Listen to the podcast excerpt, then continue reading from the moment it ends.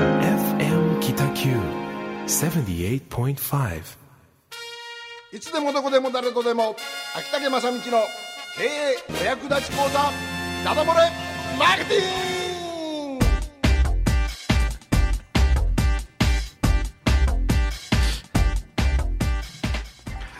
ということで、コメントした方がいいですか、何か、この、もうええ。やっぱりこう主導権握って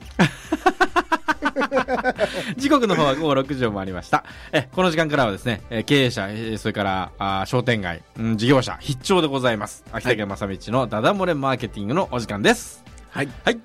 もうこれも3回目ということになりまして、ええー前回がミッションを作りましょううんということでしたうんね、で今回はですね、あのーちょっとブランドというと、うん。どうしても勘違いしてしまいがちなことがあると思うので、ほえーそこをですね、えーじゃないんだよっていうことをお伝えしたくてですね、うんえー私が日頃本当ブランドの話をするときは、ええこの話はほとんどしないんうんうん。ですね、っていうかあんまり必要ないと思ってるからだけど今回あえてテーマに選びました、はい。えーデザインでブランディングうん。なるほど。デザインとかうん。ロゴマークとか、はい。えーこの辺でブランディングということをテーマにちょっとやってみたいと思うんです、うん。なるほど。でまあとりあえずですねそうは言いましても私の意見ではまあ今こうやって聞かれている中小企業、うん。えー零細企業商店の皆さんにはですねもうほとんどデザインとかロゴマークなんていうのは基本的に関係ないうん。まあ、うんうん。でも、関係なくはないと思いますけどね。一つ抜き出るというか、抜きん出るために。基本的にはですね、うん。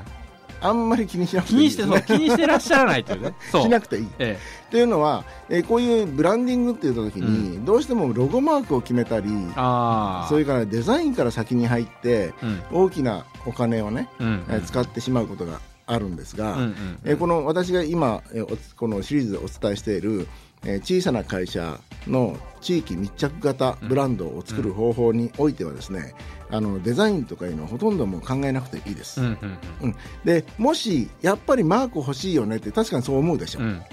思うでしょう思うでしょうからその時はですねぜひワード、うん。はい。パソコンの基本ソフトですね。うん。ええ。ワードなりを使って、えーテキスト型の、うん。例えば、えー、ジジアジジアとかね。ジジアとかを、はい。い、いフォントを拾ってきてうん。やるとか、うん。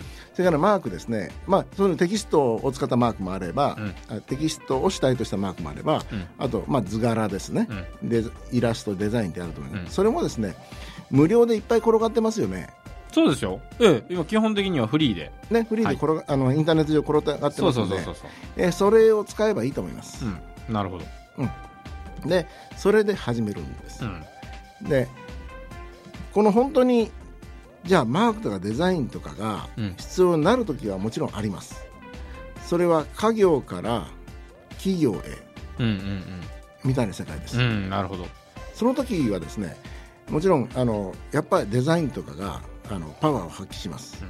要するに多店舗やりましょうってなった時に、えー要するにブランディングブランドが力がついた時は水平展開といいましてこういろんなところに店を出すとかですねうん。が可能になってきますよね。であの看板だから安心して入れるっていう。そういう時にはやっぱりその看板としてしっかりと作るのが必要になりますが、えーまだ商店とかで、えーそういう形でやってる時にそこまであブランディングするんやったらやっぱお金かけないけんと。マークとかせないけんと。でホームページもそうですね。あんまり立派なの作らないけんっていう気持ちになりがちなんですが特に若い、うん。えー経営者2代目さん3代目さんとかそうなりがちなんですが、えーそこは本当に簡単に済ましてもらいたいと思います。でまあなんでそういうふうに言うかと言いますとですねあのー実際のところうちのジジアっていうのがありますが、えーこのジジアにしてもですねあのー丸字っていう字ま、あの要するにジジアの字ひらがなの「し」に点々ですね、うん、そうですね。えーこれに丸を書いてワードで書いたんですけどで黒字にしろというような形であのやったんですが今でもですねあのジジアの T シャツが欲しいとかはいはいはいはいはいはい。いやあれはそう使えそうな気がしますもんね。うんえハッピーが欲しいとかはい。いう人が来るうん。お客様いらっしゃるんですね、うん。でこれは紛れもなく実はブランドうん。なんですよファンがいるということですね。かといってじゃあ日本中の人は知ってるかというとジジイのこと知ってるかというとそうじゃないうん。あのーなんでそういう現象が起きるかというとそれはコツコツコツコツ1人、2人、3人、100人、200人、500人というですねコツコツコツコツお客様を増やしていった結果なんです。うん。で私はそのデザインが先にいらないというのはですねその前に実はブランドというのはお客様ファンの数が増えさえすれば、うん。まずブランドはつきますよ、なマークじゃなくて。うん。でしかもそういう段階では下手下手なブランドってマークの方が、うん。もうちょっと綺麗にしろよとかさ。あ、そう、ある意味評判になるわけですねもうちょっとさってその延長で言ったのは多分ですね、え。うん。私は虎屋の羊羹はいはいはいはいはいはいはい。何のあれでしょ？えのぼりあののれんとえ。か、うんうん。虎屋でしょ？でしかも反対だし そうかそうか。うん。あれをだからスタイリッシュなうん。すごいキレのあるデザインに変えてなくてでまた今風のうん凝った CD デザインでもなくて、あの昔のまんま使っているうん。でまあもちろんあっこまでこう認知されるとねもう水平点がもちろん楽ですよね,、ええもそうね皆さんイメージがありますからうん。でもそうなるまでに実は、えー自分が手書きしたような下手馬のものでもいいですからうんやって、デザインの前にまずはコツコツコツコツ一つ一つ一人一人お客様を増やしてファンを増やしていくっていうのが、この地域密着型ブランドの作り方ですよっていうことですね、うん。そうするとですねある一定数のお客様が増えた時それから例えば、えー業種によりますけど3億円とか5億円とかですねよく言う壁ですね。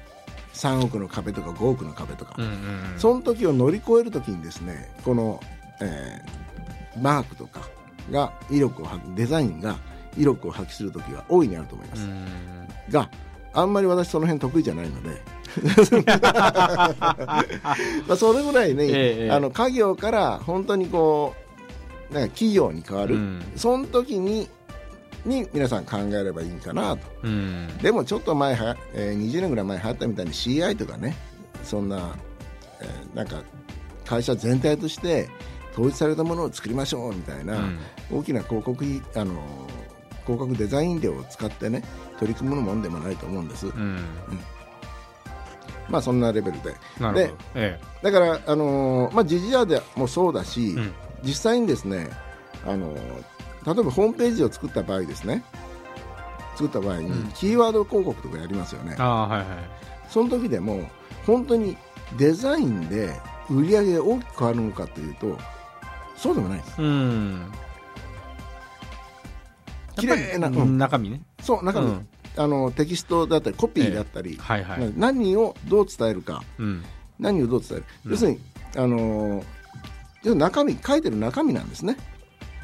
でこの今ですねキーワード広告のうん。コンサルタントの藤巻さんっていう方がいますけども、えー前この番組に出てもらいましたはいけど、はいはいはい。藤巻さんあたりがやっぱり言うのはですねあのホームページデザインっていうのは単なる差別化の一つでしかないとやはり競合がいっぱいいればですね、うん。その中で目立つというのは確かにあるでしょうけどでも基本的にはそうではないうん。だから伝えるものさえしっかり伝えていれば OK なんで、うん。私たちがこれからブランドを作っていこうとするときに肝心なことは例えばチラシであっても広告であってもまずはテキストえ何を伝えるかということその文章コピーというものをしっかりと重視しましょうということです、うん。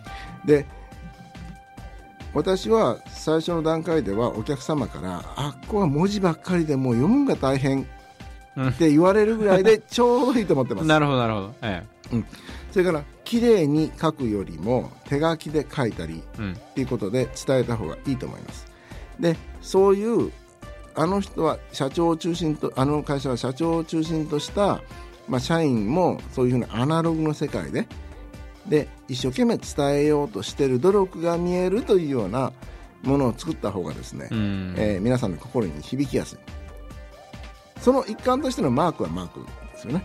うん。もうこりだってそこで立派なマーク作ってて手書きでねうん。やったりするとある意味ギャップがあるでしょ？はい。逆にね それはそれで非常に印象になるんですね。うん。うん。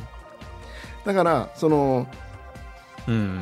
なぜ最初からマークを作るべきじゃないかというのはコツコツコツコツと一人一人のお客様を育てていく中でそしてミッションを作りやっていく中で自分のスタイルというのが見えてくるんです。大変失礼な言い方ですけども今の商店とかお店とかは何屋さんうちは何屋なんだ、ううんちは何,、えー何屋の業なんだって職人意識はあるかもしれませんがだけど意外と自分のスタイルっていうのが見えてなくてよその店がこれを置いてるからうちも置かないけんとか、うん。よその店が値下げしたけどこっちも下げないけんとか、うん。よそに振り回されてるようなお店がうん。明らかに多いじゃないですかだから本当にブランディングっていうのを考え始めた時にコツコツやろうとした時にミッションを掲げました、うん。そして一人一人のお客様にそのミッションを伝えていく作業をやっていくとそのお客様との関係性の中で、えー数ヶ月であったり何年かするとですね、うん。自分のスタイルが見えてきます。うん。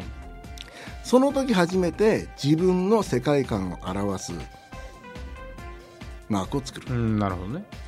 うんそうするとまあ揺るぎないものができるわけですね。そうです、うんデザイン先行じゃなくて、中身から派生してくるというか生まれてくるものそうそうそうそう。がえ。だから先にデザイナーに作ってもらいました、ええ。これあこれかっこいいこれにしようかとか、うんうんうん。いやこっちのがいいとか選びますけど、うん。それだけ一人歩きえしちゃって、うん。そんなことをするよりもっていうことなんですね、うんでそうするとですねあの次第とお客さん増えてきて、えー、でも変なマークがうん。それがあのマークあの会社のマークなんだっていうふうになります。うん。でもうファンですからその今下手馬流行ってますけどね、うんその下手な字のそれ欲しいっていうふうなコアなお客さんができてくる。うんうんそしていよいよこれからもっとお店広げたいと思う時に作り直すんですが、でまたこの作り直す時にですねもし本当に気合で作る時は自分のスタイルを知ってですね、うんうん。そこにやっぱ世の中社会貢献をするという意味合いを込めたそう世界観を入れてほしいんですね、わかりうんやすい、うんなるほどね。それはもう前回のミッションとのそうなんです。ね。ええ。そこで改めてマークの中にミッションを入れ込む、はは。うん、最初はテキストで手書きでいいし、うんそれを、まあ、ワープローチで適当にお客さんに伝えていったんですけど、うん。本当にデザインをと思った時は世界観をぶち込んでやる、うん。でそうするとそのマークを見ただけであるいはそこについてるタグラインうんあるコピーを見ただけで、あこの会社何しようっていう会社だって分かりやすい。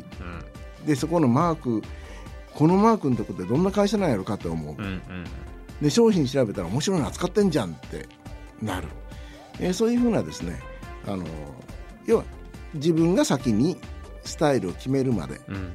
それはお客様との関係その中で実は生まれてくるんであって最初からマーク作ってからそれが生まれるもんじゃないただミッションはですねミッションを掲げればですね、うん。そういう自分に近づいていきます、うん。こう歌った以上嘘ないようにそっち行かなきゃってなうん。それはそうですね。ええ。ですね。えだからマークデザインっていうのは本当にまずは自分らしく、うん、ちょっと下手くそぐらいでちょうどいいという感覚で作っていただいて、でそして、えーある時よしもっと大きくもっと広げよう、うん。もっと応援者を増やそうと思った時に分かりやすいマークをつける。えうん。という形がよろしいのではないかと思っているわけです。はい、今日はですね、はい。えーついつい、あのーデザインとかマークにブランディングと聞けばまずはそのロゴマーク決めることだっていうことに走ってしまいそうな方が、えーいるといけないので、うん。あえてこのテーマを選びまして、うん。そういうことではなくて、えーそれは自然とっていうかススタイルの中から生まれてくるんだということをお伝えしました。なるほど。えちなみに今日はですね本一冊ご紹介しておきます、はい。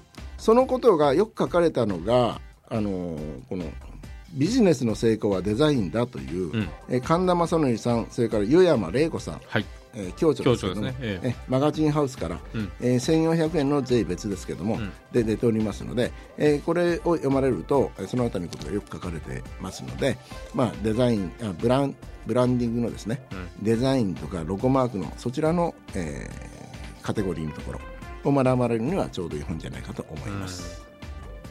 というのが秋竹正道のはい今日のダダ漏れマーケティングでした。